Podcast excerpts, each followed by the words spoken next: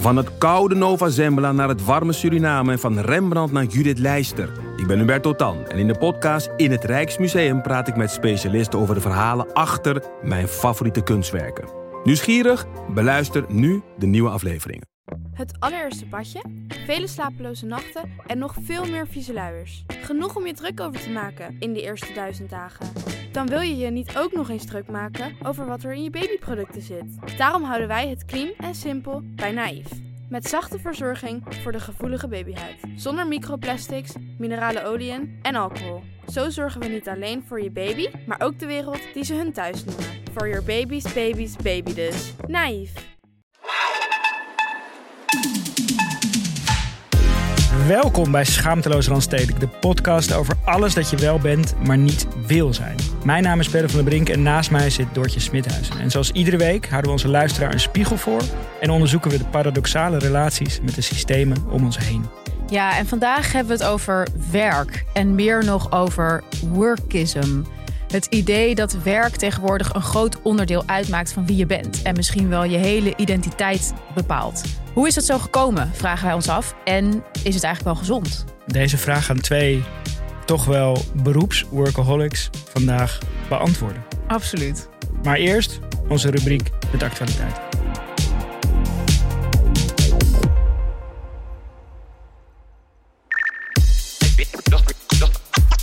in our news. Ja, dit is eigenlijk niet een actualiteit. Is- In die zin slaat het nergens op dat het in deze rubriek zit. Maar ik zag een quote eh, die ik toch even wilde delen met, met, met iedereen. Ehm, het was een quote van Soort Kill. Eh, hij is een schrijver en, en een van de oprichters van SMIP. eh, collectief van eh, jonge creatieven uit Amsterdam. En hij ehm, duidt een beetje waar taal en, en me- meer soort straattaal eh, vandaan komt. Hij maakt letterlijk woordenboeken. Eh, maar hij heeft ook een column in de, in de NRC, of een stukje in de NRC, wat hij volgens mij iedere week eh, Mhm. heeft. Waarin hij dus een woord of een uitdrukking eh, eigenlijk uitlegt. En ehm, afgelopen week ehm, eh, kwam hij met de quote: Alles is ontworpen, maar niet alles is designer. Ja, ik, ik, inmiddels weet iedereen mijn liefde voor premium. Mhm. ehm, alles eigenlijk. ja, Ehm, dus ik vond dit echt een heerlijke quote. ik vergeet steeds die ene app van jou te delen die ik altijd nog wil delen, waarin jij mij stuurt. Ik zal niet rusten voordat alles premium is. Precies. In die geest ging eh, Soortkeel eigenlijk uitleggen hè, dat alles wat je, wat je om je heen ziet, is dan wel ontworpen. Maar het is niet allemaal, Het is niet allemaal mooi. het is niet allemaal mooi. Doet mij een beetje denken aan Thierry Baudet, die moderne architectuur omschrijft. Ja, Lelijk, lelijk, lelijk. Het is allemaal zo ontzettend lelijk. ja that escalated Ja. quickly. Maar Dat is een van de weinige Misschien- momenten dat ik het wel enigszins met hem precies, eens was. precies. Ja. Daar had hij wel een, eh, een puntje. Nou, merci eh Soortkill. Ik was eh, behoorlijk gefascineerd door de pikante foto die Emily Ratajkowski en haar nieuwe vriend deelden, Eric Andre. Ja, Ik kende hem niet, comedian. ik ook niet. Maar ja, dat heb ik eigenlijk altijd met überhaupt comedians en zeker. Maar nu wel, Uit, Ken ik hem. Zeker, nu kennen we hem wel. Eh, hij, ze waren namelijk allebei naakt op die Ja. foto. Een soort van, ja, een soort zelfportret. Een Duidelijk, soort post-sex. ja, duidelijk net seks gehad. Ja. En dan een soort guitige foto online zetten. En wat ik er heel grappig aan vond, en de, eh de Face had daar ook een heel leuk eh, artikel over, is dat ze eigenlijk precies doen wat mensen nu verlangen van sociale media. Namelijk Mhm. het enige wat mensen nog willen van sociale media is zien wie met wie neukt. Dat is gewoon de functie geworden van Instagram, zeker van Instagram.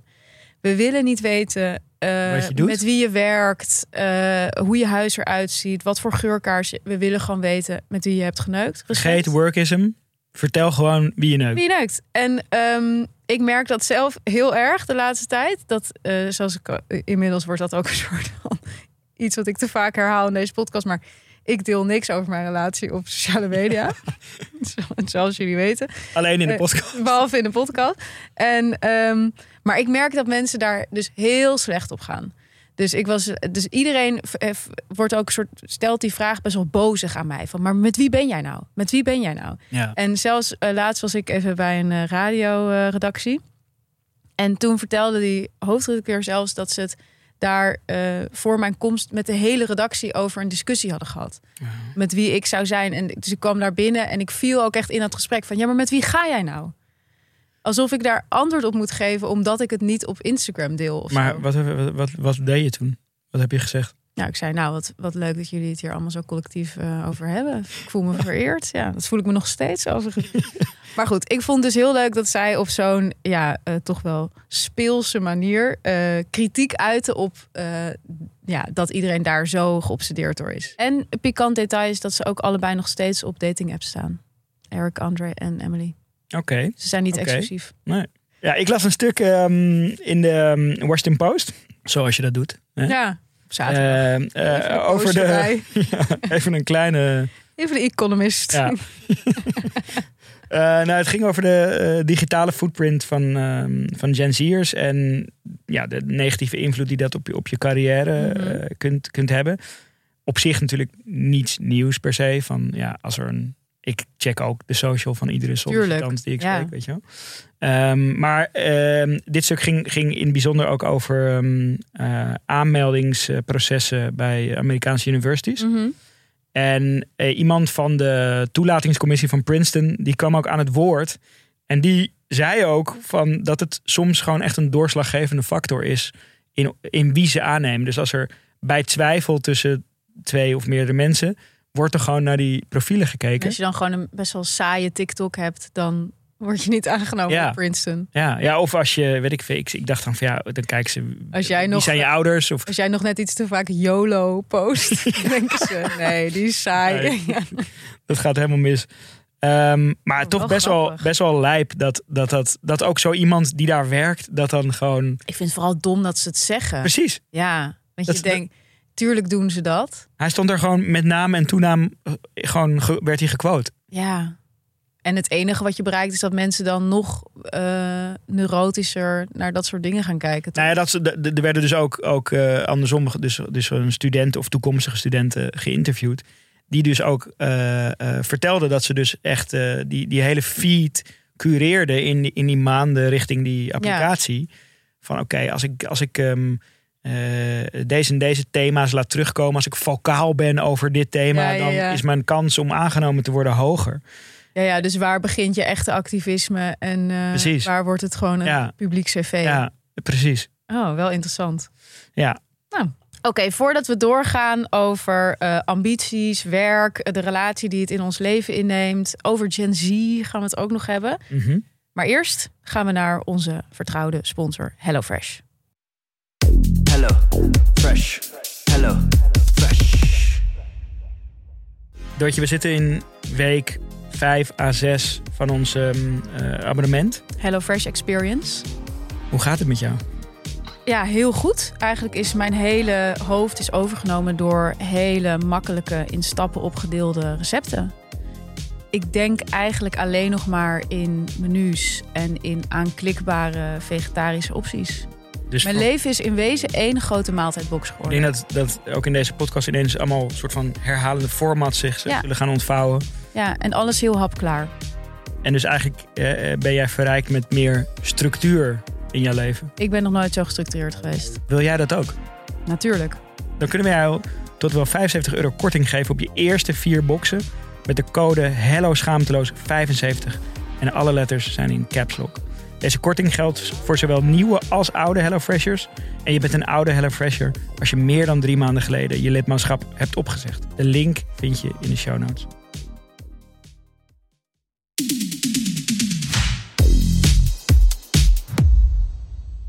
Oké, vandaag gaat het over werk. Werken doen we bijna allemaal. Ja. Eh, we zijn er best een groot deel van ons leven mee bezig. En het lijkt alsof werk een steeds belangrijker onderdeel van onze identiteit wordt. Eh, werk moet uitdagend zijn. Je moet jezelf continu kunnen blijven ontwikkelen. Je moet ook steeds meer geld verdienen. Ehm, waar we het over willen hebben is, is hoe die relatie met ons werk ehm, zo geworden is. En of je eigenlijk, eh, ja, eigenlijk is het wel gezond hoe we met werk omgaan. Ja, en in de vorige aflevering over eh, die moderne etiketten hadden we het natuurlijk ook over onze ergernis aan eh, dat mensen meteen aan je vragen wat voor werk je doet als je iemand ontmoet. Ja. Maar het is natuurlijk ook wel heel typerend of zo voor hoe we naar werk kijken en hoe belangrijk we het vinden. Het is echt de, de eerste vraag die we stellen als we een nieuw iemand ontmoeten. Maar dat is ook niet zo gek, want ik heb zeker het gevoel voor, ja, zal ik maar zeggen, onze generatie, dertigers, veertigers misschien ook wel, en twintigers eigenlijk misschien ook wel, dat dat werk, dat we daar zoveel aan ophangen. Dat het Mhm. ook een passie moet zijn, het moet vervullend zijn. Eh, inderdaad, we moeten ons altijd maar doorontwikkelen. Ja. Gewoon dat hele idee van je gaat naar werk en je komt thuis en that's it. Dat is Ik echt zat er eens aan terug te denken. Dus, dus mijn, mijn allereerste baan was in 2001. Ehm. Toen was ik negen. Ja. Maar ik was eh, in Jij was defense. Ik was 18, twee weken. Ehm, maar eh, dat was de tijd dat je wel gewoon mobiele telefoons had, maar geen smartphones. Ja, En ja, dan ging ik dus naar werk en dan ging ik s'avonds weg. En dan was het ook echt klaar, want Mhm. je ging, mensen belden ook niet zo heel veel met hun mobiele telefoon of zo. Ik kan me nog wel dat gevoel herinneren dat er een hele duidelijke scheiding was. Als ik dan terug de pont over eh, dat ik dan ook het gevoel had van oké, nu sluit ik dit deel van mijn leven af. Ehm, En dat, ik vond die pont ook zo markeerde die twee werelden. Ja, maar dat moet ik eerlijk zeggen dat ik dat sinds ik in Noord woon, dat ik dat dus ook heel prettig vind. Oh, dat heb ik dus. op Ik had dus gehoopt dat ik dat terug zou krijgen. Toen ik Ja, maar weer, jij rijdt heel veel met de auto, dus jij staat helemaal niet meer. op- ja, maar dan heb je nog, eh, het rijk wel door een tunnel. Ja, maar het is toch anders. het is een toch een ander gevoel. Maar als ik wel, die, die keer dat ik wel op de pont sta, dan ben ik gewoon nog, eh, nog eh, of ik zit in een call, ja, of ik ben nog aan het appen of zo. Dat is waar. Ja. Ehm, dus die, ja, die grens is er ook in letterlijke zin gewoon minder. Ben jij workaholic? Ehm, Om maar even met de deur naar huis te Ja. vallen. nou, ik denk wel dat ik, eh, dat ik, dat ik voldoe aan eh 9 van de 10 kenmerken van een workaholic. Ja, Vinkjes. 9 Ja. van 10 vinkjes. ja, ja, ik, ik, ja, kijk, ik denk als je me aan mijn vriendin vraagt, ben ik sowieso een Mhm. workaholic. Maar eigenlijk, als ik het zelf zou moeten zeggen, ik denk, ik denk wel dat ik echt ongezond veel met werk bezig ben. Ja? Ik probeer wel in, die, ehm, in, in de week te zorgen dat me, mijn kinderen daar in ieder geval zo min mogelijk last van ervaren of zo. Dus ehm, ik probeer wel dan, ja, ik sta bijvoorbeeld extreem vroeg op, ja. zodat ik kan, een stukje kan. Deed je dat altijd al? Of ja, ik deed wel altijd, ik stond wel altijd al. Vice? Ja, toen, Want je staat half zes op, toch? ja, tussen vijf en half Ja. zes. Eh, en, dan, en dan sta ik op en dan ga ik werken. En dan op een gegeven moment komen de kinderen naar beneden en dan hou ik op. Dan doe ik gewoon het, het ochtendritueel. Breng ze naar school en dan, en dan eh, nou, werken. En dan ga ik ze weer ophalen. En dan het avondritueel. Ja. En dan gaan ze slapen. En dan doe ik vaak nog wel... Ga je weer eh, werken? Ja, ga ik weer werken. Dus Ja. dan, en dan stop je en dan heb je een uur of zo. En dan ga je slapen. Ja. Eh, wow. Dus ja, dan ben je wel, denk ik, een workaholic. Ja, ik weet niet of, of workaholism, of het nou heel erg met de tijd die je in werk eh, investeert te maken heeft, of meer waar. hoe belangrijk je het vindt. Ja. Ja, ik vind het ook wel heel belangrijk. Of het, of het, ja, want dat, dat is wat ik, wat ik wel dacht voor het, voor, het, eh, voor het voorbereiden ook van deze aflevering. Want ik heb dit niet. Ik denk dat ik best een gezonde relatie met werk heb, tijd, technisch gezien. Mhm. Maar die relatie is ook wel ontstaan doordat ik inmiddels wel na zeg maar tien jaar eh, freelance journalist te zijn, ook wel weet wat het beste werkt voor mij. Ja, voor je creativiteit. Ja, dus dat het voor mij bijvoorbeeld veel beter is om s'avonds niet te werken. Ja. Want dan slaap ik slechter, dus ben ik de volgende dag gewoon Ja. minder scherp. maar dat is eh, eigenlijk ook een, een ja, dat is werkbeslissing. ook een werkbeslissing, precies. Dus Oh, ik kan beter nu vrije tijd hebben. ja, dan ga ik zo heel geforceerd iets Ja. leuks doen. Ja. Ja. En ehm, of bijvoorbeeld, ik vind het heel fijn om 's ochtends eerst even te sporten. Weet je, dat probeer, daar probeer Mhm. ik heel veel tijd voor te maken. Maar waar wat ik zelf bijvoorbeeld best wel irritant vind, is dat ik gewoon merk dat mijn humeur gewoon zo wordt bepaald door ja, hoe het met werk gaat. Heel basic gezegd. En Zowel negatief als positief. 100 procent. En, en, en zelfs ook als er niet echt nieuws is. Ik heb nu bijvoorbeeld. Ik zit eh, een beetje in afwachting van het doorkomen van een wat groter project. Waar ik nu nog niet zoveel over kan zeggen. Ik wou Lekker. ook altijd al een keer willen zeggen. Jullie weten wie je zijn, laat het gewoon doorgaan. Ja. Maar goed, ik heb de, echt een beetje het gevoel. eh, in afwachting van die go, zeg maar. dat mijn hele leven een beetje in een wachtstand zit. Ja. Wat echt bizar is, want dat is helemaal niet waar. Maar dan zie je hoe belangrijk. Ja, maar ja, aan de andere kant, als je een groot project, als jij dat project gaat doen, dan, dan beheerst dat maandenlang je agenda. Dus dat, kijk, het is ook een aanzienlijk deel van je tijd of zo, toch? Ja. Het is- Nee, dus het is ook logistiek of zo. Ja, zeg maar, als je, het is ook een vrij grote hap uit je, uit je week spendeer je aan werk. Dus ik vind het ook al- altijd Ja. Ik vind het ook soms bijna blasé om te zeggen dat het eh, je allemaal niks boeit. Want ja, het is gewoon heel veel tijd die je erin investeert. Dus ehm, Nee, dat is ook waar. Maar ik werk ook wel dat ik bijvoorbeeld nu... Ik heb vorig jaar bijvoorbeeld echt een gestoord eh, druk jaar gehad. Met Mhm. twee documentaires die uitkwamen. En een boek en deze podcast die we gingen lanceren. mhm. Kan ik echt niemand aanraden. Dat is echt gewoon echt verschrikkelijk. Maar toen, eh, en toen dacht ik, nou, ik moet het wel wat rustiger aan gaan doen, zeg maar, de komende tijd. Nou, dat doe ik nu dus. Maar merk dat ik best wel gefukt ben eigenlijk de hele tijd. Omdat ik dus dan bijvoorbeeld ineens best wel wat uren vrije tijd ineens in de week had die ik eerder niet had. Maar ik ga dan helemaal geen leuke dingen doen. Ik ga dan gewoon ander werk doen. Ja. Heb jij, heb, je, heb jij voor jezelf een soort doel met je, met je werk? Weet jij wa- waar, waar je naartoe werkt? Nee. Nee. Ik heb echt geen idee. Dat zou ik best wel graag willen. Jij? Ja. Nee, niet echt. Ik, nee. Nou ja, naar het is een werelddominatie met deze podcast. Dat sowieso, inderdaad, met de podcast wel. Ja.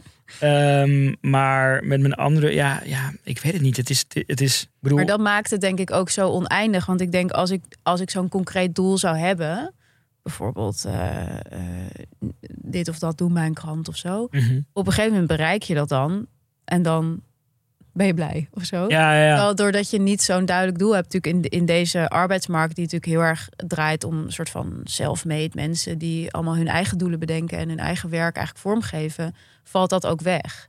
Er is niet meer zo'n soort van duidelijke piramide die je oploopt of zo. Nee, ja, het was natuurlijk. Heel veel mensen werkten vroeger, of het ultieme doel was een soort financiële onafhankelijkheid bereiken. Ja. Zodat je eigenlijk daarna iets kon doen wat je echt leuk. eh, nou, precies. Dat is, dat vindt. is wat, wat, ik, wat ik zo interessant vind aan dat workism. En dat zie je ook nu vaak herhaald in artikelen over werk. Is dat eh, als je kijkt naar wat hè, de grote economen van de vorige eeuw, dus John Keynes, maar natuurlijk ook mijn persoonlijke favoriet, Karl Marx, eh, wat die zeiden over werk. Ehm, die hadden echt een idee dat juist, zou maar zeggen, de bovenlaag van de samenleving, dat die in de 21ste eeuw veel minder zou gaan werken. Dus dat we echt naar een tijd gingen waarin je bijvoorbeeld 15 uur per week of Ja. zo aan werk besteedde en de rest dan aan leisure. En Marx zag het zelfs helemaal voor zich dat eh, eigenlijk, ja, zou maar zeggen, de, de bourgeoisie, dat die eigenlijk helemaal niet zou Ja. werken. En dat dan het proletariaat, dus die onderklasse, die zou dan juist keihard moeten werken. Het is toch wel grappig, want de Grieken en Romeinen die dachten dat dus in, in of die, die dachten dat niet alleen, die, die, die deden dat. Die, ja, Voor hun was, hè, zij, zij werkten aan de staat en, en aan, aan, aan, aan het nadenken. En echt ar- arbeid was verslaven, zeg ja, maar. precies. En die zaten dan gewoon te chillen Ja. en wijn te drinken. En dat, Zij dachten eigenlijk dat dat terug zou keren. Ja, maar dat ze hebben eigenlijk totaal niet gelijk. Totaal niet gelijk. Want dat is, er is een heel goed artikel, volgens mij is het twee jaar geleden verschenen in de Atlantic over workism. Mhm. ehm, van Derek Thompson, sowieso echt een hele interessante journalist. Maar hij eh, haalt dan ook onderzoek aan eh, dat dus de rijkste eh 10% van de getrouwde mannen Ja, in Amerika, die werken het allerhardst.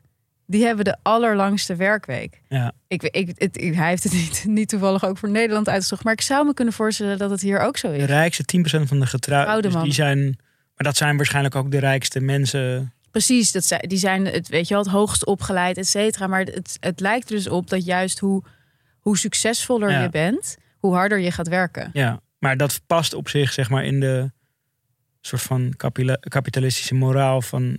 Het is een beetje een soort greed, wat er dan ook ontstaat. Toch van als je eenmaal geproefd hebt aan meer, dan wil je eigenlijk nog meer. Nou, ik denk wat er vooral aan de hand is, is dat er iets gaande is wat Marx en Keynes gewoon niet konden voorzien toen zij die voorspellingen deden. En dat is dat we dat, ja, dat de hele rol die werk in ons leven inneemt, dat die heel erg veranderd is de afgelopen decennia. We leven natuurlijk in een samenleving die de afgelopen tijd enorm is geseculariseerd. Mhm. We geloven eigenlijk nergens meer in. We hebben geen religies meer. We hebben niet meer een soort van ja, die zuilen die we vroeger hadden, weet je wel. Dat, Geen, geen gemeenschap. Nee, er is weinig gemeenschap. Er is weinig om, zou ik zeggen, in te, in te geloven of om als individu voor te strijden. En dan hebben we eigenlijk in de plaats daarvan hebben we dat werk waar we ons maar aan vasthouden. Dat idee van ik moet me ontwikkelen, ik moet succesvol zijn, ik moet ja, laten zien wat ik waard ben, letterlijk en figuurlijk. En volgens mij is dat die stuwende kracht. Meer die, dan. Die, die, die, hoogste, het, het hoogste niveau van de Maslow. eh, nou, meer dan denk ik puur geld. Ja.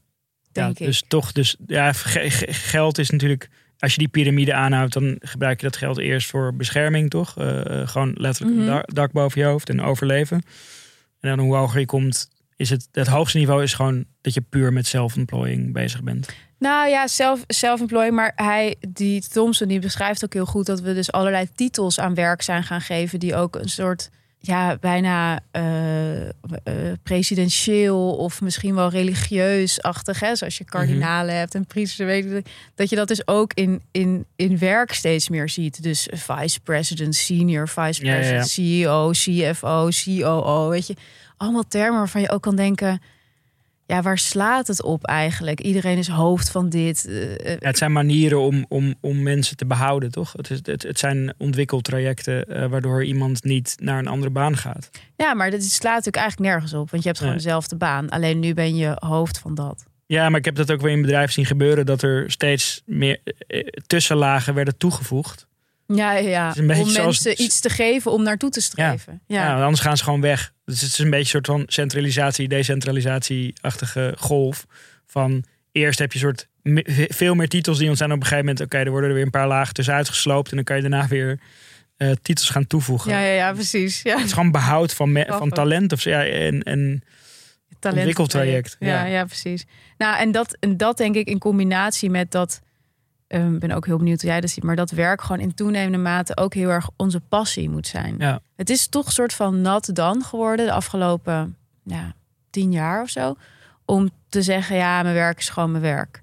Iedereen is toch op zoek naar een soort werk waarvan ze ja, het gevoel hebben dat het, dat het hun levensvervulling is. Dat het, ja, dat, het, dat het meer is dan alleen werk. En ik denk, goed, ik ben daar niet de enige in, dat staat ook in het artikel. Maar dat dat ook dus onderdeel is van het hoge aantal aan burn-outs wat je de laatste tijd ziet. Dat mensen gewoon veel te veel in dat werk zoeken. Dat het te veel moet zijn, zeg maar. Ja, dus ik heb daar wel dubbele gevoelens bij of zo. Want aan de ene kant denk ik dat het inderdaad voor millennials heel erg klopt. Maar bij Gen Z'ers zie je ook hele hoge burn-out rates. Terwijl zij eigenlijk Oh ja? juist weer bekend staan omdat ze veel duidelijker hun grenzen aangeven als het aankomt op werk. Daar, daar weten wij alles van. Gaan we het later nog even over hebben. even over hebben. Zijn we helemaal klaar mee? Eh, precies. Ten eerste is dit natuurlijk ook een beetje een bubbel eh, eh, point of view wat, waar we het over hebben. Want voor heel veel mensen is werk wel nog steeds een manier om echt gewoon in Ja, dat ja, primair inkomen te voorzien. Maar er is ook weer een soort van binnen de strevende klasse, zeg maar. Ja, ja. Weer het idee dat het ook een beetje salonveeg is om het dus wel weer als nee, ik doe het echt puur- Alleen werk. Ja, Ja. ja. dat, dat zie ik ook wel om me heen of zo. Dat is waar. Dat is ook wel echt zo'n skill. Ja, En je voelt je ook meteen als je in een ruimte bent, althans ik, met iemand die dat heel erg uitdraagt. Ik voel me dan meteen best wel kut. ja. Het En is ook een eh, heel erg status, status ding of zo. Ja. Weet je, wordt het door, door die mensen ook aangegeven eigenlijk om. Ja, maar sowieso is, heb ik het idee dat druk zijn wordt niet meer echt gezien als vet. Heb ik het idee. Nee, dat, dat, dat gezegde van druk, druk, druk is, is inderdaad echt wel een beetje. Zelfs eh, als een beetje sneu. Nou ja, aan de, en aan de andere kant heb je dan weer allemaal van die cursussen, growth mindset, eh, Ja. C, eh, wees als de CEO die om vier uur s'nachts opstaat. Ja, dus dit, het, het bestaat allebei of zo. Maar er is wel een soort veel grotere awareness voor de negatieve kanten ervan. Of zo. Het wordt niet zo geglorified dat, ja. En ik denk dat we gewoon ook. Het, we leven natuurlijk in een tijd waarin het alles gewoon heel erg draait om zichtbaarheid. Dus eh, ik merk dat ook heel erg van. Ik heb dan toevallig best wel zichtbaar werk. In de zin van dat het in een krant staat of whatever. Mhm. En ehm, dat vind ik zo interessant. En dat denk ik dat dat ook een, heel erg met de opkomst van sociale media. in combinatie met dat werk als identiteit is. Dat mensen eigenlijk er altijd van uitgaan dat op het moment dat je. dat ze veel werk van je zien. Dat het goed met je Dat je gaat. lekker gaat. Ja, dat vind ik altijd zo bizar. Dat, dat ik dan mensen tegenkom die zeggen. Nou gaat echt goed met jou, hè? Maar dat is natuurlijk aan de andere kant. Ja, je, je- het andere deel jij niet. Nee, maar ik vind dat zo'n rare aanname. Ja, het is wel. Hoe Het blijft nou een gekke Hoe aanname. het met mij gaat daardoor. Maar of bedoelen ze het dan? Ik zeg het gewoon Ja, ze stellen jou gelijk aan, aan. Dus ze stellen de zakelijke doortje gelijk aan de privé. Ja, en meer is positief. Ja. Dat had ik dus vorig jaar ook. Dat, ja, toen was het echt gewoon eh één grote tsunami bij mij op de socials. Want toen kwam er gewoon elke week wel weer iets En niemand uit. die zei heel En het iedereen wel. die zei van wat goed. Ja, Terwijl ik dacht, nou, als je echt goed kijkt, dan denk je misschien wel, jezus, het lijkt me eigenlijk heel onprettig als je zoveel tegelijk hebt. Ja. Maar goed, beetje een first world problem. misschien. Ja, ja, waarom vraagt er niemand aan mij hoe het met Hoe me het gaat? echt met me gaat. Als ik heel veel succesvolle dingen post. Oh, dat is echt vreselijk. Eh, Oké, een ander onderwerp dan, waar ik het ook nog eh, even over wilde hebben, is eh, flexibilisering. Want Mhm. ik denk wel dat dat echt ehm, ook een hele grote rol heeft gespeeld in die druk om steeds meer te werken, je werk als je leven te zien. Hè? Wat je al beschrijft over dat je vroeger eh, gewoon met je Nokia naar huis fietste Ja. en dan niet meer aan werk dacht. Kijk, er was natuurlijk heel erg het idee dat op het moment dat mensen meer zelf hun tijd zouden gaan indelen, dat ze dan gelukkiger zouden worden of zo. Of dat ze het relaxer zouden krijgen. Veel mensen geven dat natuurlijk ook aan als ze gestrest zijn van werk. Waar draait die stress dan om? Om het verlies van autonomie. Dat is wat mensen heel ingewikkeld vinden. Dus het idee was, nou, we Dat geven- nummer één. eh, ja, dat geven mensen heel vaak aan bij dat soort eh, bij stressklachten door werk. En het idee was, nou, dan geven we mensen meer autonomie. Ze kunnen zelf hun uren indelen. Eh, maar eigenlijk zie je dat het juist ook weer averechts werkt. Ja. Omdat mensen op het moment dat je altijd zou kunnen werken, maar ook niet hoeft te werken, dan word je een soort van zo gestrest. Eh, Mhm. Omdat je eh, bij elk, eh, elke minuut die je vrij neemt, denkt: ik had nu ook kunnen Ja, werken. ja, en nou, eh, ik, ik, een voorbeeld van eh, mijn eigen bedrijf. eh, dat ik dacht van ja, laten we gewoon ongelimiteerde vakantiedagen doen. ja. Zodat iedereen gewoon, weet je, van whatever. Als je je shit af hebt, dan neem je vrij. Maakt me niet uit. Maar dat werkte eigenlijk ook een beetje averechts. Eh, dus op een gegeven moment hadden we het daarover. En toen, ja, toen kreeg ik wel terug van ja, wij vinden dat eigenlijk niet zo relaxed. Want niemand durfde die dagen op te Nee, het is, want, want er werd een soort impliciete druk gevoeld van ja, een soort Netflix-achtige Ja, ja. eh, druk. Ik had het letterlijk ook van Netflix, heb ze ook Oh, echt? een beperkt aantal Ja. vakantiedagen. Eh, en ik had het ook wel ook geïntroduceerd als experiment van hey, laten we kijken of dit voor jullie ook werkt. Werkt, weet je. Maar het werkte dus gewoon niet. Dus die, ik Ja, deed ja, eigenlijk geniet- toch? Ik gaf die autonomie, maar Ja, maar je geniet dus blijkbaar niet van een vakantiedag als je niet het idee hebt dat je hem hebt verdiend. verdiend. Ja, Dat is Ja. het gewoon. ja. En ik denk wat, wat ook speelt als je het hebt, maar waar we het eerder over hebben gehad, inderdaad, die Champions League-achtige ideeën van ook zo'n eh, bij ook zo'n DVD of zo. Maar als natuurlijk iedereen flex werkt, iedereen kan in principe de laan uit worden gestuurd, dan wil jij misschien wel graag degene zijn die laat zien, kijk hoe vet ik het Ja. vind. Ik ga echt die extra mile. Ik vind het allemaal eh, Ja. zo interessant dat ik s'avonds nog zit te werken. Ja, dan word jij er waarschijnlijk niet zo snel uitgegooid. Ja. Ja, dus eigenlijk zoals altijd komen we weer op hetzelfde, op hetzelfde idee uit. De wijsheid van Hang Youth. Je haat geen maandag. Je haat Ja, kapitalisme. Ja, over kapitalisme gesproken. We hebben nog een sponsor. Ontzettend leuk. Bamigo. Ja, we hebben dus een, een nieuwe sponsor eh, mogen verwelkomen. En dat is Bamigo. Eh, en we mogen best wel eh, wat korting geven. Dus let goed op bij wat er nu volgt. Misschien ken je Bamigo al. Het is een kledingmerk met boven- en onderkleding. En alle producten zijn gemaakt van bamboe. De meest zachte stof verkrijgbaar. Waardoor het dus ja, heel relaxed zit.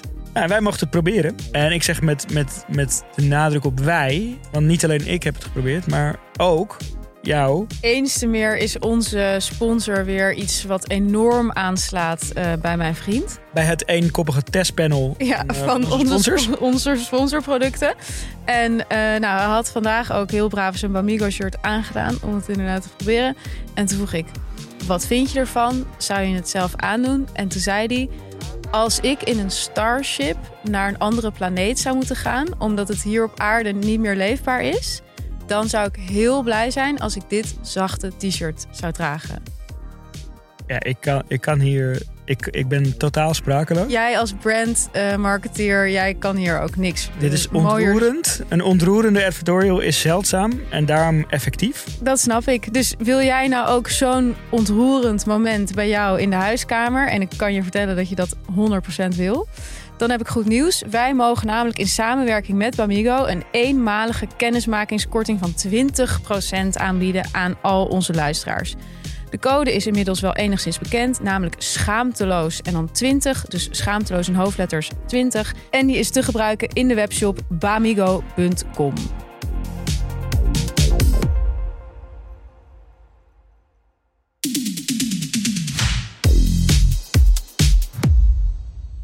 Oké, ik denk dat we dus wel kunnen stellen dat ehm, in veel gevallen, en ik denk in elk geval in onze bubbel, ik reken daar onze luisteraars maar even toe voor het gemak, dat onze relatie met werk niet altijd even gezond is. Nee. Vooral als je kijkt naar hoe belangrijk we het maken, hoeveel we ervan verwachten. En de vraag is natuurlijk, hoe veranderen we dit? Mhm. Ik heb het idee, in, in elk geval in mijn leven is dat een vraag die best wel speelt. Hoe ga ik ja, mijn werk iets minder belangrijk maken, iets meer focussen op de dingen die echt belangrijk zijn in het leven? Want dat is wel iets wat ik zelf inmiddels toch wel een aantal keer heb meegemaakt op het moment dat je bijvoorbeeld echt tegenslag ervaart. Ja. Dan is dat werk ook in één keer zo ontzettend onboeiend Mhm. en onbelangrijk. En ik moest ook wel daarover nadenken toen ik dat interview met Ivonie las Mhm. in de Volkskrant Magazine. Volkskrant Magazine. Veel over te zeggen. Echt wel een, inderdaad een interview wat, waar je echt veel over kan zeggen. Ja, het was echt spraakmakend. En ik Ja. vond het ook interessant omdat hij... Ik vond, het, ik vond het dus best integer overkomen. Mhm. Daar werd ik weer enorm over uitgelachen door andere mensen... die vonden dat ik in de Ivo-val was getrapt. ja. Ik vond het wel interessant dat hij aangaf dat hij zo onzeker was... en ehm, ja, eigenlijk constant stress heeft gehad in die Ik vond dus 40 a- jaar. de- deze dingen allebei. Dus ik, ik, Ja. ik, ik vond dat hij inderdaad super open en integer overkwam. Maar ook dat hij tussen de regels door gewoon eigenlijk... was het ook een unaniem belachelijk groot succes. Ja, maar bijvoorbeeld dat unaniem belachelijk grote succes eh, ding. Dat, was, dat vond ik dus heel interessant. Dat hij nu vertelde dat toen dat dus bij Pauw en Witteman eh, was geweest. Dat hij aan de telefoon Ja. volgens mij had gezegd van in een soort enthousiaste vibe van het was een unaniem belachelijk groot succes. En ja, natuurlijk, het is ook een kwallerige opmerking. Maar het was Maar- ook niet één opmerking. Hè? Het was echt het was een soort rant. Ja. Maar dat dat daarna dus zo ontzettend vlucht nam. En dat zelfs talkshows zijn hele familie gingen afbellen van... wil jij nog iets zeggen over die vreselijke viral. achteroom van je of zo? Dat hij dus, hij zou dat, eh, eh, die voorstelling drie maanden spelen in Parijs... heeft hij gewoon Ja, gecanceld. nou, dat vond ik dan wel weer zo'n teken dat het, Ja, omdat- dat het dus echt iets is. Wat, Ja, omdat hij zich zo ongemakkelijk Ja. erover voelde. Toen dacht ik wel, wauw, dat, dat, daar, daar, Ja. daar staan we toch niet helemaal bij stil met z'n allen. Nou, en ik vond het dus heel interessant dat hij aangaf dat hij echt tering hard heeft gewerkt. Zijn hele carrière, nog steeds. En dat hij dus bijvoorbeeld zei, ik heb nul keer mijn kinderen voorgelezen. En dat vind ik echt heel erg. Ja, maar ik vind dat wel ook zo'n ding wat van... Ja, je kan ook gewoon tering hard werken en wel je kinderen voorlezen. Ja, maar ik vond het dus wel verfrissend, omdat ik het gevoel heb dat de bladen momenteel best wel vol staan met mensen die en tering hard werken en ook nog tijd maken voor de kinderen. En die mensen vind ik best wel irritant. Ik heb dat aan het begin van deze podcast gezegd. Hè. Pas op. Jou. Nee, Ehm, maar snap je wat ik bedoel? Er zit zoiets in van balans is voor mij heel belangrijk. Dan denk ik, ja, oké. Ja, nee, het, het, het, het, het is... ehm, er zit een soort gefijn... Het, je, je praat naar de tijd, zeg Zoals maar. Lodewijk Asscher, die zeg maar elke dag toen hij minister was zijn kinderen naar school bracht. En dat ook in elk interview Ja, zei. ja. Ik dacht, oké, Ja. breng, je het voor, breng je ze voor die kinderen Ja, of breng je ze voor dit interview? campagne? eh, Snap je? Dat vind ik gewoon heel Ja, nee, zeker. Dat, dat, dat, dat Dus ik vond het Maar dat, dat vond ik dus ook wel een beetje in dit interview. Ik dacht ook wel een beetje van... Nou, er ging ook wel bij mij een beetje een alarm Toch? af, Van- wel af toen hij zei... mijn kinderen zijn mijn beste vrienden. Ja.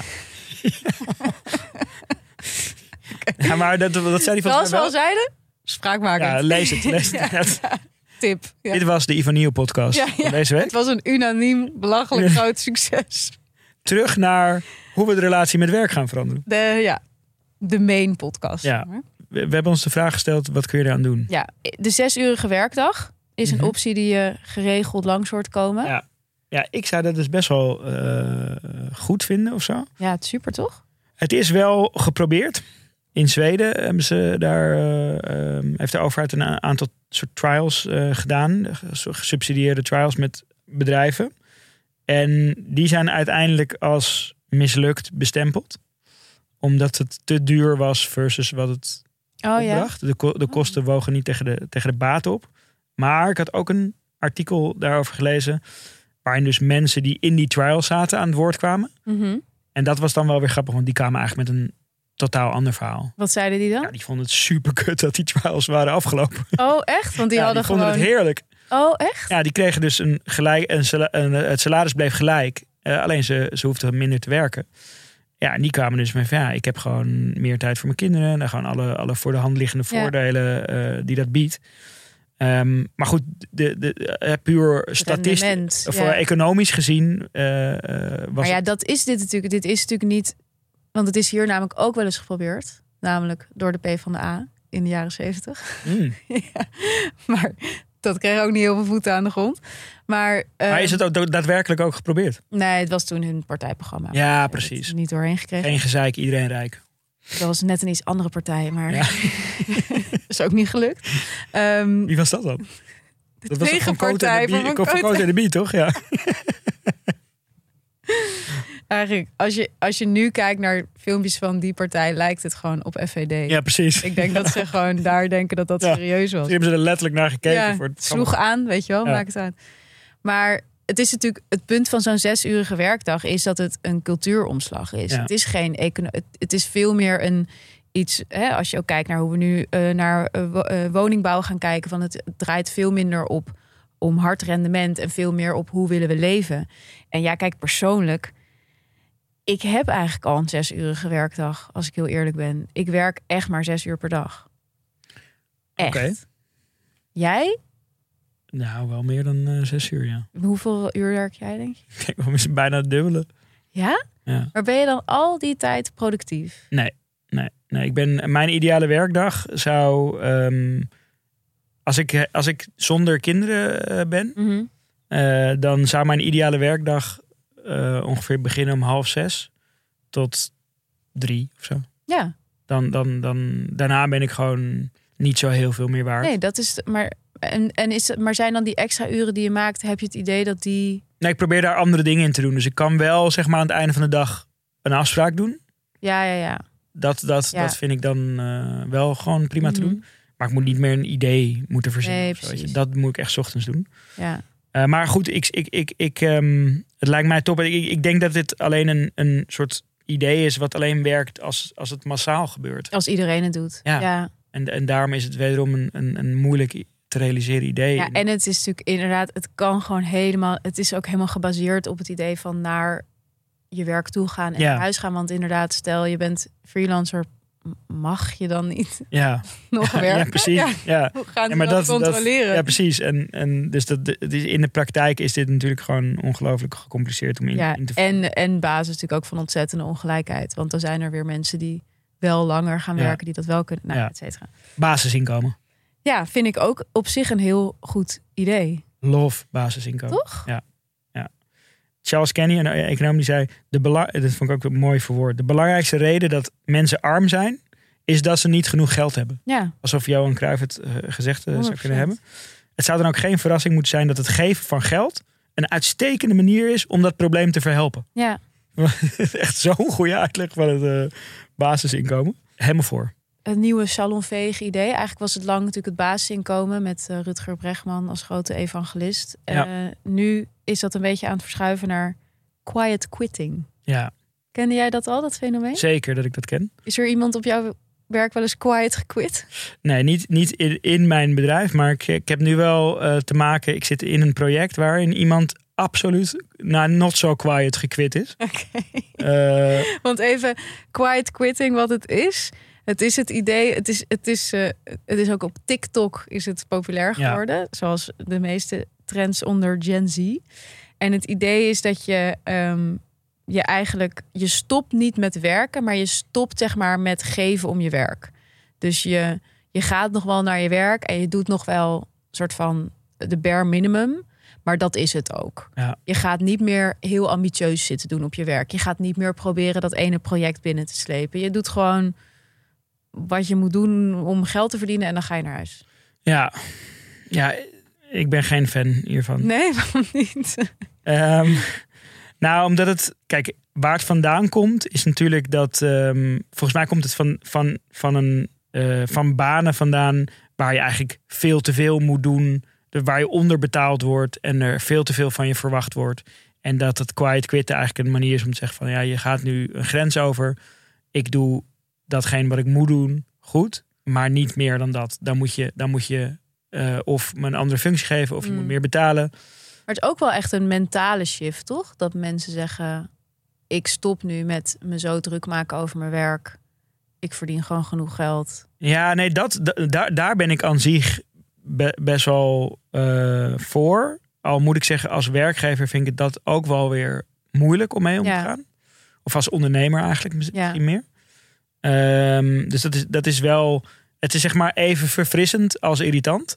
ja, Weet je, want het is... zoals de meeste nieuwe dingen. Ja, ja, ja, ja. De- aan de ene kant denk ik ook van ja, ik kan ook niet eh, van iedereen maar verwachten dat ze zo, zo omgaan met werk zoals, zoals ik zelf dat doe. Nou, want wij hebben nu natuurlijk, wij komen allebei nu een beetje, ehm, wij krijgen allebei te maken met Gen Z Mhm. in onze werkomgeving.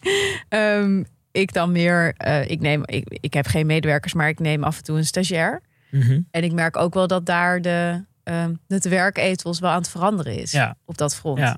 Dat het voorheen, ja, dan, dan, dan, dan kwam er een nieuwe stagiair en die had er onwijs veel zin in. En die gingen gewoon keihard werken. En het was eigenlijk gewoon een beetje zoals ik zelf, maar dan Ja. iets jonger. Ja, En daar kon ik ook heel veel mee. Dus die hadden dan vaak ook wel echt ideeën wat ze wilden qua werk, weet je wel. Dus Ja. dan kon ik ze daar ook mee helpen. Dus Ja. die wilden dan bijvoorbeeld bij een krant werken. Nou, dat, dat, dat ging ik dan proberen voor ze te regelen, zeg maar.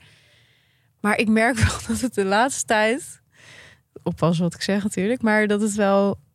Dat je ook wel heel erg veel bezig bent met het bespreken van de grenzen. ja, eh, van ehm, wat niet hun werk is. Dat is ook een groot thema. En dat ik echt... Ik voel me soms echt een beetje een boomer. ja ik nee, denk- eh, ik, ik herken ik, het. ik kan dan zo'n hele, vind ik, boomereske re- reactie hebben van... Mhm. Je komt toch om te werken? Ja, Maar dan denk ik achteraf van... Nee, maar we moeten juist naar dit soort, dit soort gesprekken... zijn heel belangrijk om te voeren, denk ik. En, en, en wil ik ook heel graag doen. Maar, maar toch vind ik het lastig nog. ja, maar ik denk dat dat eh, volgens mij zit er ook heel veel in taal, want dat die term is eigenlijk onhandig gekozen, vind ik, want het Quiet zit quitting. in. Ja, Weet je, van ze, ze hadden het niet zo moeten noemen, want er, er hangt zo'n zweem omheen van gewoon armen over elkaar. eh, Ja. Fuck you, pay me. Gewoon. ja. Kijk, als iemand zegt van ik heb mijn grenzen, ik, je, kan, je kunt me gewoon bellen tot zes uur. eh, en ehm, in die tijd dat, dat ik eh, betaald word en dat ik voor je werk, ben ik doe ik gewoon fucking mijn best met al mijn energie en passie voor wat, wat ik doe. Dat vind ik respectabel, weet je. Maar ik zit dus nu bijvoorbeeld in een project. Eh, nou, ik zal niet helemaal uitleggen wat het project Ja. is en wat voor persoon het is. Maar in ieder geval, eh, ik heb daarvoor iemand ingehuurd die dus alleen maar bezig is met eh, soort paaltjes markeren van wat, wat, wat, wat hij of zij dan wel of niet binnen het bedrag kan doen. Voordat er überhaupt iets geleverd is of zo, weet je. En toen kregen we uiteindelijk binnen wat, wat, wat de opdracht was. En toen was het echt zo, van zo'n schofterig slecht niveau. dat ik echt dacht van wow. Dus ik ben al een soort Dus er was, Drie duidelijk, dagen er in was gesprek. duidelijk iemand quiet gequit. Er was iemand Nou echt heel expliciet gequit. Eh, maar het was ook, eh, ik, ik, ik vond het ook een soort, ja, daar voelde ik me ook echt een wijze boomer. Dat ik, ik dacht echt van, waar haal je het lef vandaan om deze, deze gesprekken met mij te voeren de afgelopen dagen. En dan niet eens kwaliteit te leveren. Ja, maar dat is natuurlijk waarschijnlijk zou eh, een Gen Z'er dan zeggen van ja, maar het, het, het draait niet alleen om de uiteindelijke output en het is een werkproces en daarin moeten we ons allemaal zo lang voelen of zo.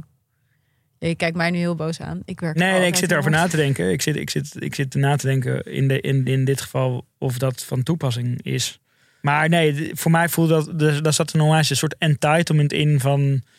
Ja, ik vond het gewoon onwijs Maar arrogant. is dit iets wat jij vaker tegenkomt? Mm, niet in deze extreme, op Mm. deze extreme manier, maar wel dat, dat, er, ehm, eh, dat er duidelijker grenzen worden aangegeven van, weet ik veel, of je o- qua overwerk of eh, weet je wel, eh, ehm, eh, extra of in het weekend een keertje Ja. werken. Ik vind dat op zich dus wel goed. Dat vind ik dus ook allemaal Ja. goed. Als, als, ik, ik, ik hou, ik, het houdt mij ook wel scherp, omdat ik zelf, ja, het is ook voor mezelf goed, omdat ik die grenzen bij mezelf niet goed aangeef Ja, eigenlijk. en Ehm, dat dacht ik ook nog bij jou over, dat, over die vakantiedagen. Van als je baas zeg maar elke dag ja. van half zes tot half elf aan het Ja. werk is, ga Ja, jij dan dus lekker dat- drie weken op Ibiza Nee, dus achteraf gezien was dat ook helemaal niet een goed idee, weet je wel. Ja. Eh, dus, dus alleen daarom al, ik leer, daar, ik leer van, die, van die houding eigenlijk dus zelf ook Ja, al. precies. Alleen in Ja. dit geval ging het, ehm, Ehm, ja, wel echt eh, helemaal fout, vond ik. Ik las nog een interessant interview met eh, Emma Chamberlain. Mhm. Mijn, eh, mijn, mijn favoriete YouTuber die helaas, spirit animal. ja, die helaas geen YouTube meer maakt. Dus, oh ja, is die... Is die Ja, die is echt al een jaar of zo gestopt. Langer nog. Maar daar ging dat interview ook over. Dat ze zei, ik werd gewoon heel ongelukkig van de dictatuur van dat algoritme, zeg Mhm. maar. Dus het idee van altijd moeten leveren. Ehm, alles wat ik doe moet leuk zijn voor eh, de gram, zeg maar. Mhm. Of ja, YouTube in dit geval. En mentaal ging ik daar gewoon aan onderdoor. Ja. Dus zij is eigenlijk ook quiet gequit. En wat doet ze dan nu? Eh, ze heeft een eigen koffiemerk. Misschien leuk voor jou om een keer... Ehm, ja. Een keer call. ervaringen uit te Ja.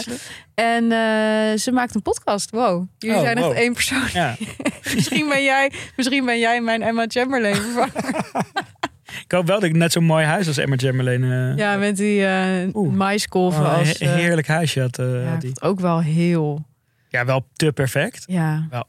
Ook wel echt het huis van Lily Allen gezien trouwens? Nee. Dat is echt heel bizar. Ja? Ja, echt een soort, soort cottage. Ik, ik, ik hou heel erg van haar stijl, maar ik, ik, ik maar er nu oud Engelse cottage. Ja, zo'n het oude is natuurlijk een, een, een klassieke nepo baby. Engelse, hè? zijn we Engelse keuken en zo. Echt zo. Ja, maar het is gewoon oud, oud Brits geld. Oud geld. Ja.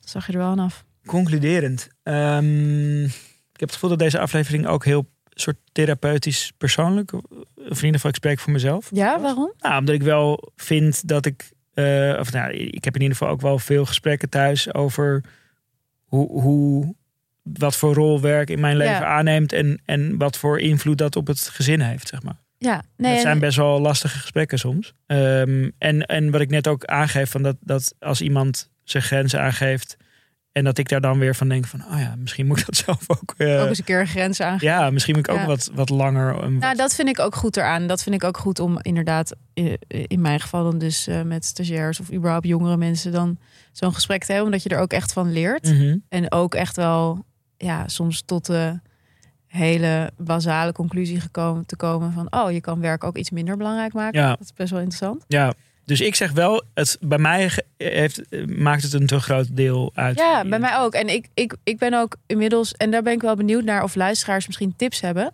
Ik ben dus best wel op zoek naar een hobby. Oeh. Ik zou echt Ik moest dus letterlijk net denken aan, aan die anekdote dat ik, dat ik, dat ik die, die, die ruzie met mijn vriendin had. Dat zei, wat, wat heb je nou eigenlijk voor hobby's? En dat ik dan zei, eh, content consumeren. Ja, Ik, ze was samen op zoek gaan naar een hobby. Naar een Niet hobby. per se naar dezelfde, maar gewoon, ik zie jou wel genoeg. wat zouden de luisteraars ons voor hobby Nou, tips ik geven? zou dat, eh, want ik merk dat ook mijn hobby's eh, hebben ook vaak een soort doel. Weet je wel, dat is Ja. dan Marathons rennen. oh, ja. bijvoorbeeld extreem, maar of weet je wel, koken Ja. of lezen. Maar dan ga ik toch weer allemaal ja, Ja, aantekeningen. maken. belangrijke Ja. artikelen lezen.